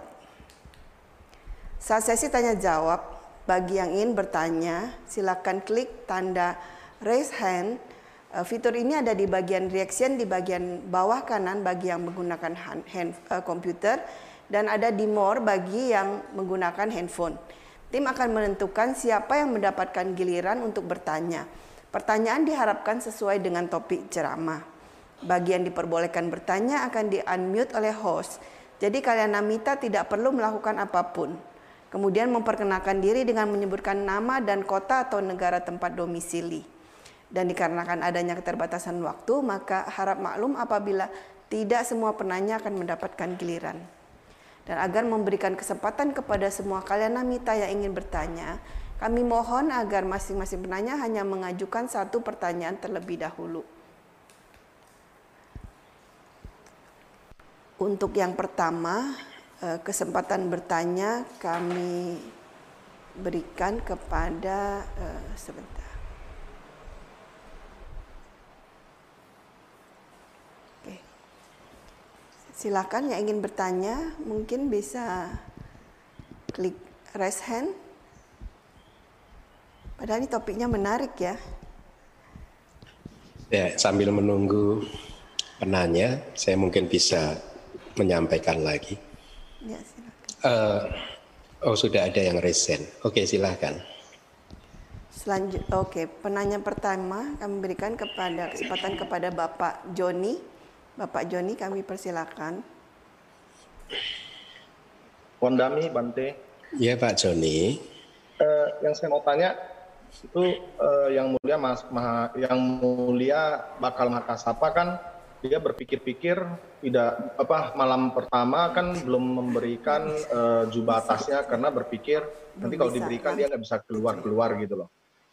Jadi yang saya mau tanya adalah bagaimana kalau cara berpikirnya itu adalah kalau saya berikan nanti besok-besok saya mau jumpa Buddha lagi jadi nggak bisa keluar karena uh, nggak ada jubah itu bukan karena dia nggak bisa ke mana-mana gitu Bante. Jika kalau berpikir demikian apakah tidak pas juga gitu? Karena kan kalau diberikan langsung kan dia nggak ada jubah lagi gitu. Gimana Pak? Maksudnya gini, cetana daripada tidak memberikan jubah atasnya itu yang hanya tinggal satu-satunya itu karena dia berniat mau datang lagi datang lagi sehingga kalau diberikan nanti nggak bisa datang lagi menjumpai Buddha gitu karena dingin gitu kan kalau diberikan kan nanti dia juga jadi nggak bisa datang. Jadi bukan karena dia itu tidak bisa ke mana-mana gitu loh. Tetapi eh, semata-mata hanya demi ingin mengunjungi Buddha Vipasi itu. Oh, jadi pertanyaan nah. Anda, iya, tapi kitab komentar tidak berkata demikian, Pak. Kitab komentar berkata, nih, karena ini juga satu-satunya, gitu kalau ini di ini jadi dia nggak bisa pergi ke mana-mana lagi dan tidak disebutkan tidak bisa berkunjung kepada Buddha Wipasi lagi sih. Tidak. Saya juga sebenarnya dulu pernah ketika sebelum masuk ke ITBMU saya kan pernah juga uh, belajar Patija Samupada dan seadanya bercerita tentang cerita ini dan beliau menyampaikannya dengan sangat ini sehingga orang-orang itu bisa bisa apa uh, tersenyum, terinspirasi dan lain sebagainya. Itu kalau nggak salah Sedo juga bercerita seperti itu. Jadi bukan karena tidak bisa lagi berkunjung ke Buddha Wipasi, artinya Sedo sama dengan kitab komentar. Kalau juga satu-satunya ini diberikan, ya saya harus di rumah terus nih berarti nggak bisa keluar gitu. Karena ini juga ada related dengan uh, cerita kalau nggak salah di zaman lampau calon Buddha Gotama kan eh, terlahir sebagai upasaka ya. Dia bekerja dengan orang kaya. Terus orang kaya ini kan eh, sekeluarga melakukan uposata sila di hari uposata. Hmm. Jadi pada saat itu dia lupa di hari itu hari uposata. Kalau nggak salah dia udah sampai tengah hari atau gimana dia baru tahu. Terus dia ikut uposata. Dan hmm. pada saat itu dia juga sakit kalau nggak salah. Sakit terus kan mau dikasih makan obat dia nggak mau. Terakhir karena sakitnya makin parah dia nggak mau obat akhirnya meninggal gitu meninggal tapi terlahir di alam bahagia nah yang saya mau hmm. tanya adalah kalau kita yang menjadi si upasaka calon modisawai itu kan tentu berpikir kalau saya makan obat, tentu saya kan bisa sembuh. Terus besok-besoknya bisa membuat lebih banyak kebajikan daripada matinya cepat gitu akibat nggak makan obat itu. Nah, jadi yang itu yang saya mau tanya mengenai uh, kebijaksanaannya memilih uh, itu gimana? Uh, Oke, okay. saya sebenarnya tidak begitu menangkap kata-kata Anda karena sedikit pecah, tapi kira-kira kan berarti kan uh, ketika menjalankan uposata akhirnya malah meninggal dunia. Lalu kenapa nggak minum obat saja supaya besok-besok masih bisa menjalankan uposata? Kira-kira begitu kan ya. ya, ya, ya. Nah itu kan ketika uh, di kehidupan lampau beliau itu beliau nggak tahu kalau menjalankan uposata dia akan meninggal dunia kan nggak tahu kan dia kan itu kan mas uh, nggak nggak nggak pasti bahwa uh, kalau dia tahu pasti kemungkinan dia akan menjaga kehidupannya sih Kemung, kemungkinan akan menjaga kehidupannya. Tetapi pak saya sampaikan ini. Saya saya saya itu pernah ditanya oleh sahabat saya. Kebetulan dia ini sahabat di satu SMA yang sama dan kebetulan kuliah juga di fakultas satu kelas juga gitu. Uh, dia pernah bertanya begini kira-kira, kalau kamu kalau karena dia bukan orang Buddhis ya manggil saya gitu aja gitu. Menghadapi situasi yang sulit, berada di persimpangan, bagaimana cara mengambil keputusannya? Dia pernah bertanya seperti itu. Lalu saya ceritakan pengalaman kehidupan saya ketika mau menjadi seorang biku. Itu saya kan ada di persimpangan, ya, eh, mau ke kiri atau ke kanan. Waktu itu saya ingat persis, saya bertekad mana yang susah itu yang saya ambil. Mana yang sulit, jalur yang paling sulit itu yang saya ambil. Ya akhirnya saya memutuskan untuk menekuni meditasi saya, gitu keluar masuk kuburan, tinggal di dalam hutan, kira-kira begitu. Jadi eh, dalam hal-hal yang terpenting beberapa kali saya mengambil keputusan dengan cara seperti itu. Mana yang sulit itu yang saya ambil. Saya tidak bisa menjelaskan logikanya bagaimana, tetapi itu kan masalah naluri saja gitu. Saya rasa yang sulit itu harusnya yang yang waktu itu ya pikiran saya pasti ini adalah hal yang baik. Jadi begitu sih Pak. Jadi kalau ada pilihan uposata dan besok mati ya katakanlah ini ya Ya, ada dua orang dengan dua keputusan yang berbeda. Ada yang berani mengambil upusatanya dengan risiko mati, ada yang mempertahankan kehidupannya. Tapi saya rasa kalau memang benar-benar harus meninggal dunia, kita harus mempertahankan kehidupan sih, Pak. Karena, Karena kehidupan kan kebajikan kita kurang, Pak. Iya, kehidupan itu harus dijaga.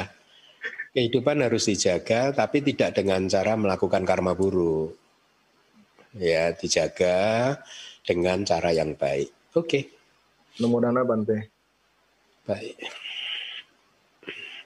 Harita dari Los Angeles, Ibu Harita kami persilakan. Wadami Bante, saya nggak ada pertanyaan, cuman saya mau bilang uh, bahwa itu kok Bante membawakan itu uh, biografi itu sangat menarik. Kalau bisa going on continuous karena saya nikmati benar-benar itu menambah pengetahuan bagi saya. Makasih yeah. Muda Nabante. Oke, okay, so saya sangat mengapresiasinya, Bu. Saya sendiri juga senang ya. Uh, secara pribadi saya pun senang membaca biografi-biografi seperti itu ya Eh, nggak uh, tahu bagi orang lain ini menarik atau tidak, tetapi kalau anda merasa ini tidak menarik, siapa pun itu yang merasa ini tidak menarik, ya, saya sampaikan kepada anda bahwa saya sangat terinspirasi ke, dari dulu ketika masih kecil membaca cerita-cerita kehidupan tokoh-tokoh besar. Tidak hanya tokoh-tokoh spiritual, biasanya yang saya saya baca kebanyakan dulu tokoh spiritual Hindu kan, karena banyak buku-bukunya yang bisa didapat begitu kemudian tokoh-tokoh uh, orang-orang besar yang mendirikan negara itu dulu saya baca. Saya sangat suka dan merasa mendapatkan banyak inspirasi. Termasuk juga ketika membaca biografi para murid Buddha ini, saya banyak mendapatkan eh, apa informasi baru yang sangat menginspirasi saya. Jadi bagi Anda yang belum merasa ini adalah sesuatu yang baik, coba Anda resapi ya. Dengarkan semua ceritanya, ambil teladan-teladannya, ikuti langkah mereka. Itu juga yang dulu saya lakukan. Karena saya banyak membaca cerita biografi tokoh-tokoh spiritual besar, akhirnya ketika saya berada di dalam persimpangan, saya mencoba mengikuti langkah mereka.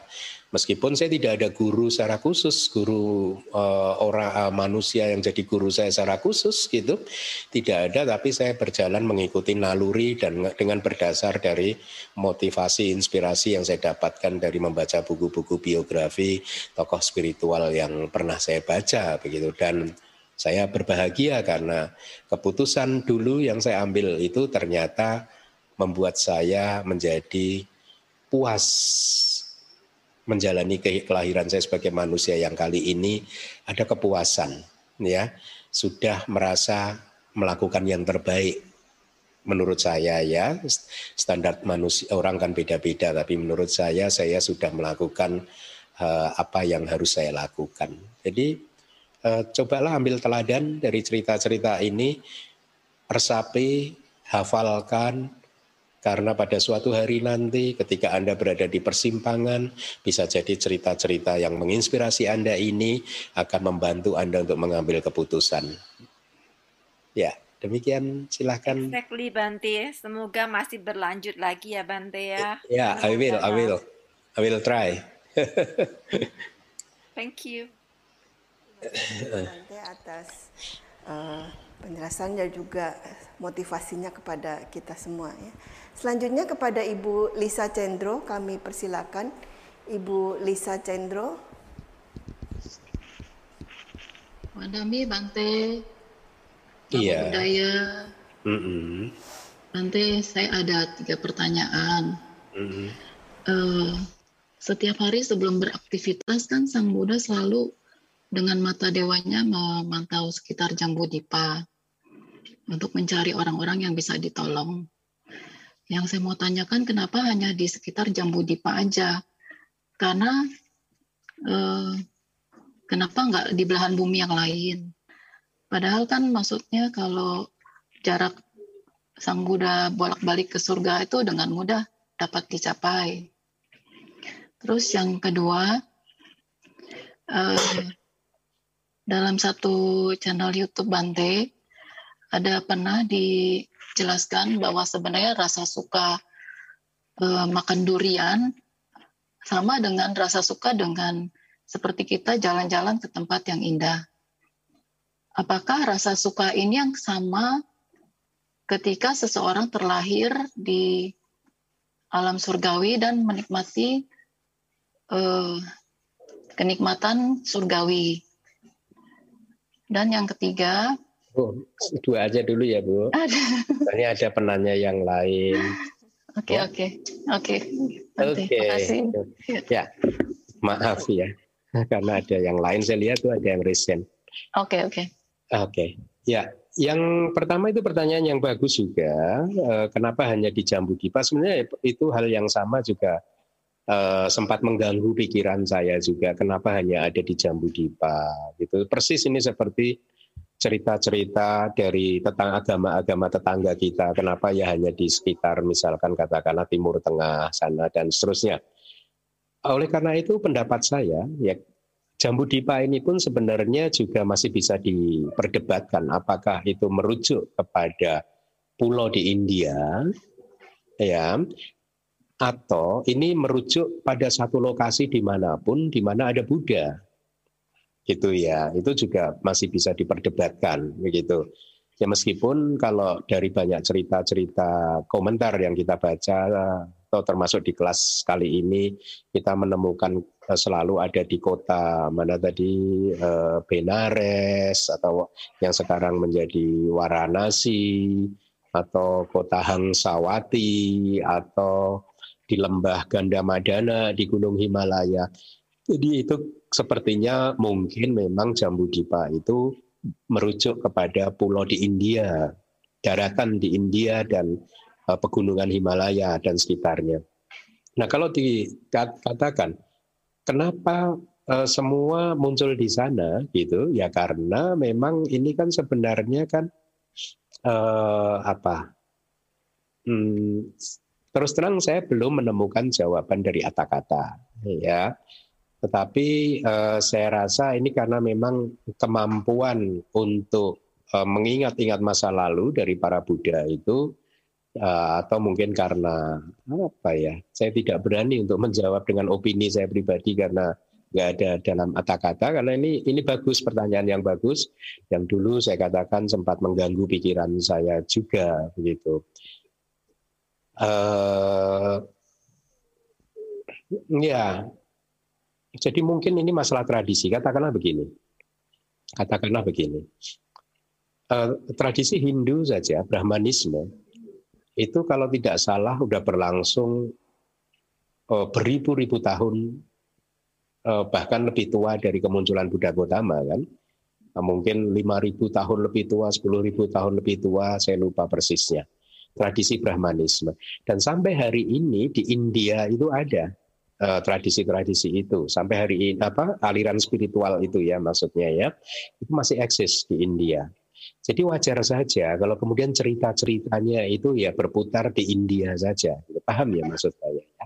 Itu wajar saja kalau cerita-ceritanya ya hanya uh, lokasinya itu hanya ada di dalam uh, di India saja. Nah, kemudian tentang pertanyaan Anda kenapa setiap kali Buddha setiap pagi melihat siapa yang bisa dibantu hanya hanya melihat yang di apa uh, membantu yang di sekitar Jambu Dipa saja.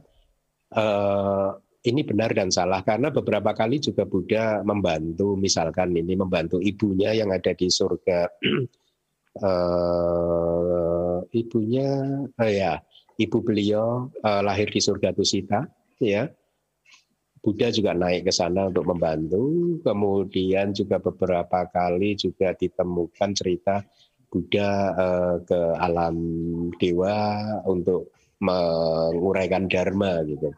Nah kalau dikatakan kok kebanyakan yang di India ya memang karena beliau hidupnya di sana gitu ya. Jadi beliau melihat yang di sekitarnya siapa yang bisa dibantu gitu.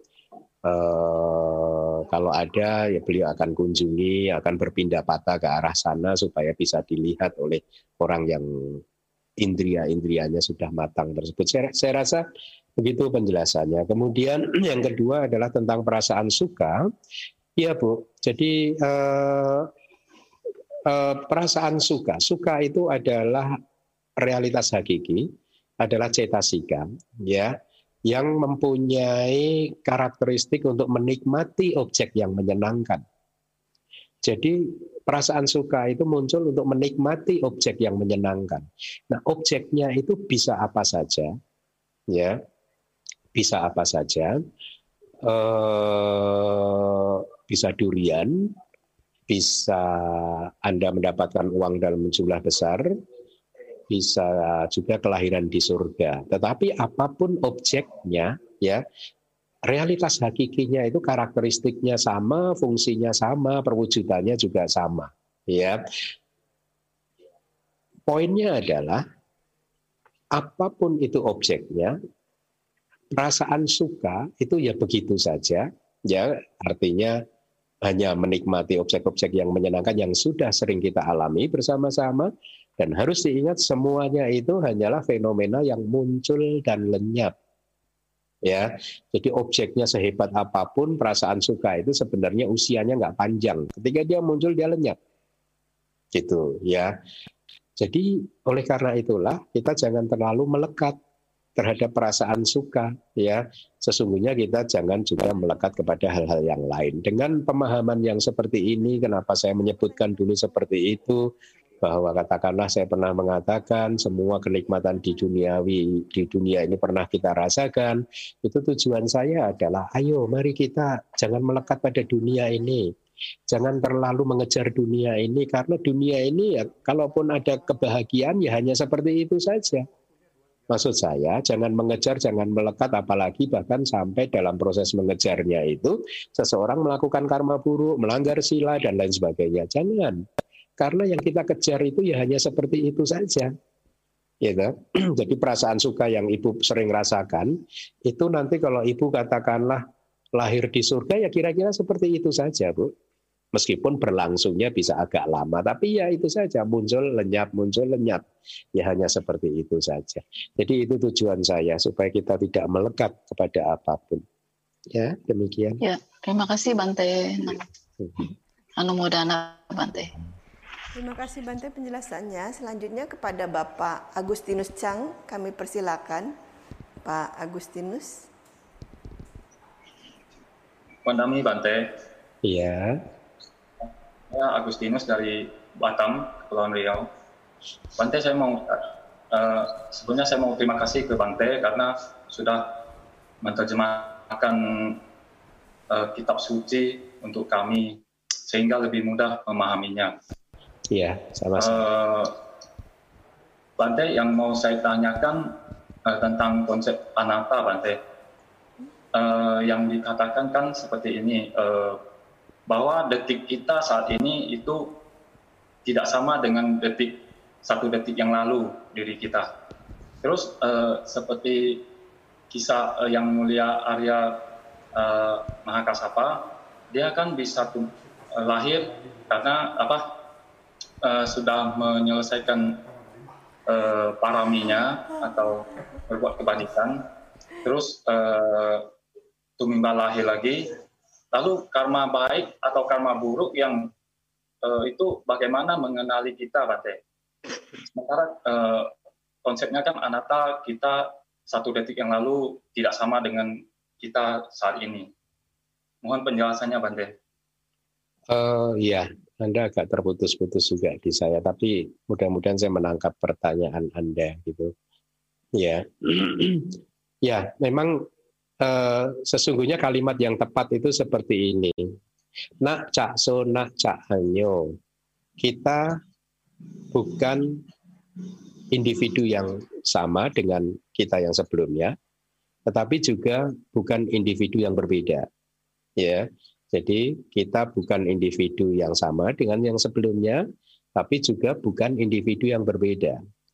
Kita adalah satu rangkaian proses dari cita, cetasika, dan rupa atau kesadaran faktor mental dan fenomena materi.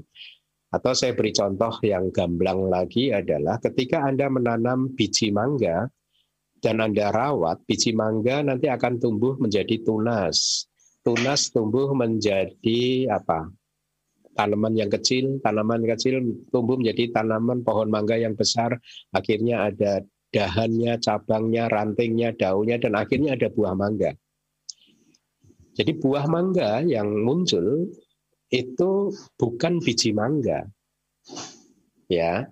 Tetapi buah mangga yang muncul itu juga tidak bisa dikatakan sama sekali berbeda karena faktanya buah mangga itu muncul dari biji mangga, dari satu proses, dari hasil satu proses.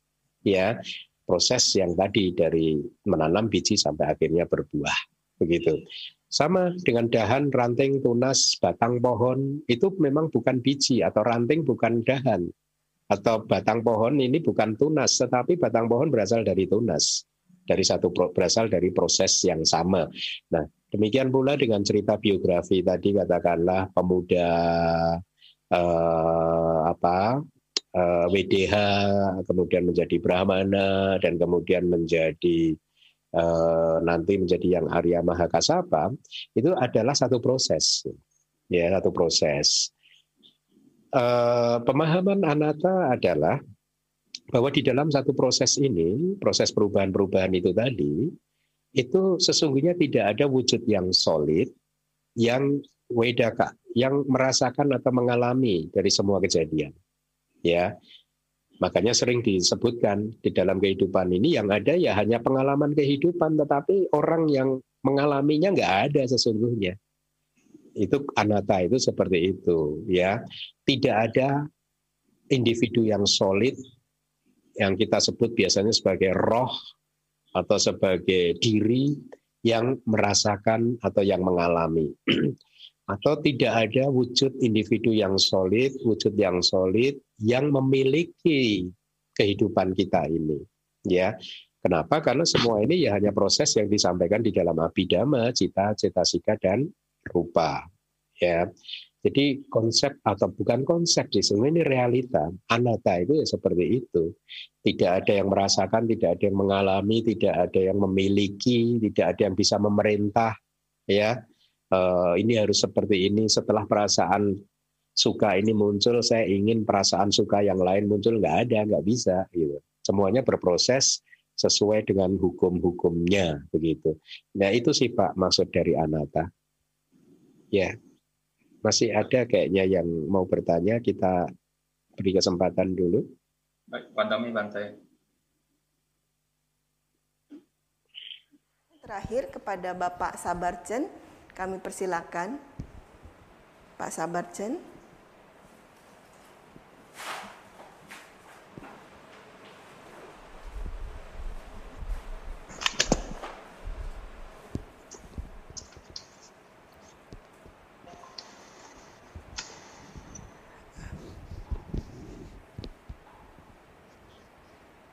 Kyoto, Bante. Iya Pak. Enggak, saya mau tanya Bante. Eh, yang untuk kelanjutan yang tadi tanya itu ya mengenai hmm, si apa ya Buddha itu kan lahirnya di uh, di daerah apa di India ya. Saya lihat itu ya, kenapa sekarang aku lihat di dunia ini banyak di daerah-daerah yang namanya uh, yang namanya itu tempat agama Buddha itu ya kayak Myanmar kayak India gitu ya. Kenapa kok di di apa ya saat ini kok diancam kayak uh, kerusuhan dan pandemi corona gitu ya? Kok kok gak ada perlindungan gitu ya Pak Bante? Mau tanya itu aja Pak nggak ada perlindungan maksudnya Pak? Maksudnya kan daerah tempat uh, kayak India itu kan tempat uh, lahirnya sang Buddha gitu ya. Mm-hmm. Itu maunya kan sang Buddha Gautama itu kan maunya dia tuh daerah di situ kan banyak mempersahabat apa daerah-daerah kayak tempat-tempat hmm, apa itu ya tempat pusat agama Buddha atau gimana ya maunya kenapa aku gak melindungi negara situ ya gitu loh negara India gitu atau Myanmar kan tempat daerah juga tempat uh, pendidikan agama Buddha juga Bante. Kenapa kok gak dilindungi gitu loh nanti? Maksud, maksudnya dilindungi bagaimana Pak? Maksudnya dilindungi, maksudnya dari, dari karma baik atau dilindungi oh, uh, gitu loh. Oh, Kenapa okay. mau ribut lah, mau kerusuhan di mana-mana gitu loh nanti? Oke. ya memang kehidupan seperti itu, Pak. Uh, itulah kehidupan, itulah samsara, gitu ya. Eh, kita tidak bisa mengharapkan eh, perlindungan dari siapa pun, bahkan perlindungan dari karma kita itu ya kalau memang karmanya berbuah yang baik ya kita terlindungi katakanlah begitu. Kalau enggak ya enggak terlindungi gitu. Seharusnya kita tidak perlu berpikir ke arah sana, Pak, tapi lebih kepada memahami meningkatkan pemahaman dari kejadian-kejadian tersebut bahwa sesungguhnya samsara itu seperti itu, siklus kelahiran dan kematian itu seperti itu, penuh dengan hal yang tidak pasti, penuh dengan hal-hal yang tidak aman, penuh dengan hal-hal yang tidak terduga. Itu yang harus kita tingkatkan. Ya memang seperti itu, tetapi Pak, ya eh, katakanlah nih di Myanmar mengalami keadaan seperti itu, ya Jangan pernah berpikir bahwa para bante di sana menderita loh, karena saya kan mempunyai grup para bante dengan para guru-guru di Myanmar itu saya punya grup uh, uh, uh, di ada satu grup komunikasi lah gitu ya. Tim Damawi hari ini saya Translation Project itu kan dalam satu tim gitu kita sering komunikasi. Mereka uh, sangat positif melihatnya itu artinya mem sangat memahami bahwa ya beginilah ini siklus kelahiran dan kematian begitu. bahkan saya ada yang paling senior berkata, Bante Keminda jangan khawatirkan kami gitu. Kami tetap berada di atas dharma gitu. Begini kira-kira mengatakan artinya adalah bahwa kami tetap melihat ini sebagai satu memang ya memang harus begini begitu. Tidak ada penolakan, tidak ada kejengkelan dan lain sebagainya gitu. Ya, seperti itu sih Pak. E, memandang kehidupan jangan merasa janganlah mengharapkan pelindung-pelindung dari luar gitu ya. pelindung kita satu-satunya kalaupun boleh dikatakan ini sebagai pelindung adalah kebijaksanaan kita yang memahami kehidupan ini dengan baik sehingga eh, kita bisa menjalani kehidupan ini dengan hati yang tenang, damai, ya. Bukan berarti hidup ini tidak boleh mengharapkan bahwa situasi harus baik terus nggak akan bisa kan justru ya kebijaksanaan ini harus memahami bahwa ketika kehidupan sedang berjalan tidak baik kita tetap tenang. Ya. Eh, beberapa hari eh kemarin kemarin sore eh, saya ada satu kayak apa ya namanya ya eh, pertemuan gitu lewat lewat telepon sih sebenarnya tapi itu satu grup dengan orang tua, dengan om, dengan yang lain-lainnya gitu. Kemudian saya menyampaikan dharma dalam hidup itu ya. Kira-kira begini yang saya sampaikan. Jangan terlalu percaya dengan pikiran kita ya. Saya katakan jangan terlalu percaya ya karena pikiran kita itu sering kali uh, menipu apa yang kita pikirkan benar belum tentu itu benar. Jadi itu jangan jangan terlalu percaya saya katakan. Terus saya saya uraikan misalkan kenapa kalau orang ketakutan ini dan itu takut cemas khawatir itu karena sebenarnya itu dia termakan oleh pikirannya sendiri saya katakan. Karena mereka bukan Buddhis saya mencoba menggunakan bahasa-bahasa uh, universal gitu. mereka termakan oleh pikirannya sendiri. Jadi sifat dari pikiran dia seperti itu. Ketika pikiran memikirkan sesuatu yang buruk maka dia akan resah sendiri gelisah sendiri gitu. Nah padahal pikiran ini sering membohongi kita. Artinya apa yang kita anggap benar belum tentu benar, apa yang kita prediksi akan terjadi belum tentu terjadi beneran dan lain sebagainya. Sehingga saya sampaikan rumusnya kepada beliau-beliau ini uh, orang tua saya, om dan yang lain-lain. Kalau saya gini gitu, untuk menghindari supaya hidup ini tidak dicekam oleh kecemasan, ketakutan dan lain-lain, rumusnya dibalik saja. Ketika misalkan kita berpikir aduh sekarang saya begini nih jangan-jangan nanti saya begitu gitu. Nah ketika begitunya itu negatif dan kita takut dan cemas, maka sekarang pikirannya dibalik, jangan-jangan nggak seperti itu gitu. E, contohnya, ini jangan-jangan kalau saya berjalan di sini di tempat yang ini saya nanti akan jatuh nih. Nah ketika berpikir jangan-jangan nanti saya akan jatuh ya kita akan gelisah sendiri. Nah sekarang ketika pikiran-pikiran negatif seperti itu muncul, cobalah dibalik. Saya sarankan begitu. Ya, jangan-jangan saya nggak jatuh gitu. Jangan-jangan uh, gitu. Uh, artinya berpikir yang positif dan ketika berpikir yang positif maka hati ini menjadi damai.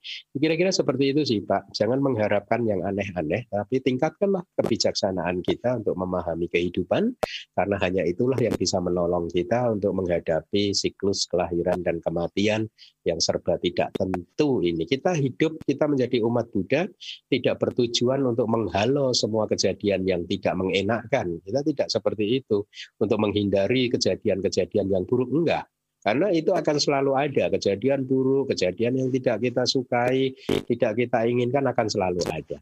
Tujuan kita menjadi murid Buddha adalah meningkatkan kebijaksanaan supaya kita bisa menerima pengalaman apa pun yang datang kepada kita dengan lapang dada. Demikian Pak, mudah-mudahan membantu. Terima kasih Pak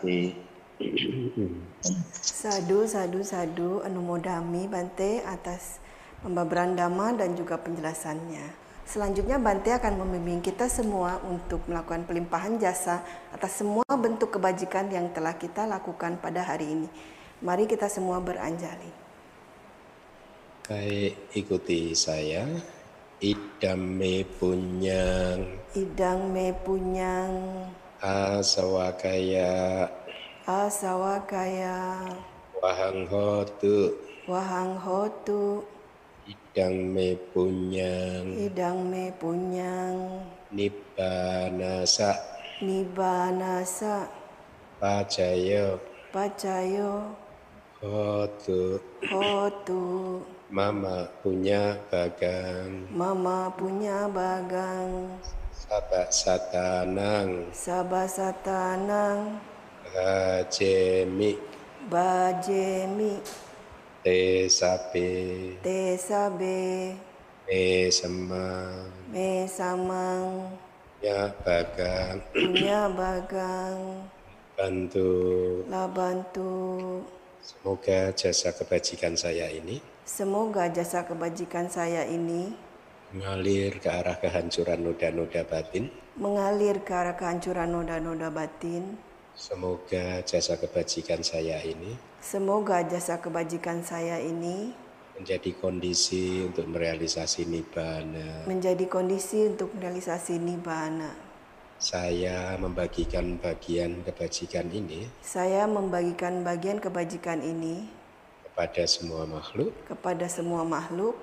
Semoga mereka semua Semoga mereka semua mendapatkan bagian kebajikan mendapatkan bagian kebajikan yang sama dengan saya. yang sama dengan saya. Sadu, sadu, sadu. Terima kasih Bante atas Dhamma Desana dan bimbingan Bante pagi ini. Mari kalian namita kita tetap beranjali sambil berucap anumodana Bante atas Dhamma Desana dan bimbingannya. Ya, sadu. Semoga Anda semua bahagia ya. Semoga Bante selalu dalam keadaan Selalu Bante. Tetap sehat dan bahagia. Ya. Semoga Bante sehat selalu Bante. Terima kasih, terima kasih. Semoga semua sehat. dan segera mencapai maga palak dan nibbana. Sadu, sadu, sadu. Anumodana Bante. Anumodana Bante. Dengan berakhirnya pembabaran Dhamma, eh, kami mempersilakan Bante untuk meninggalkan kelas Pariyati Sasana online ini.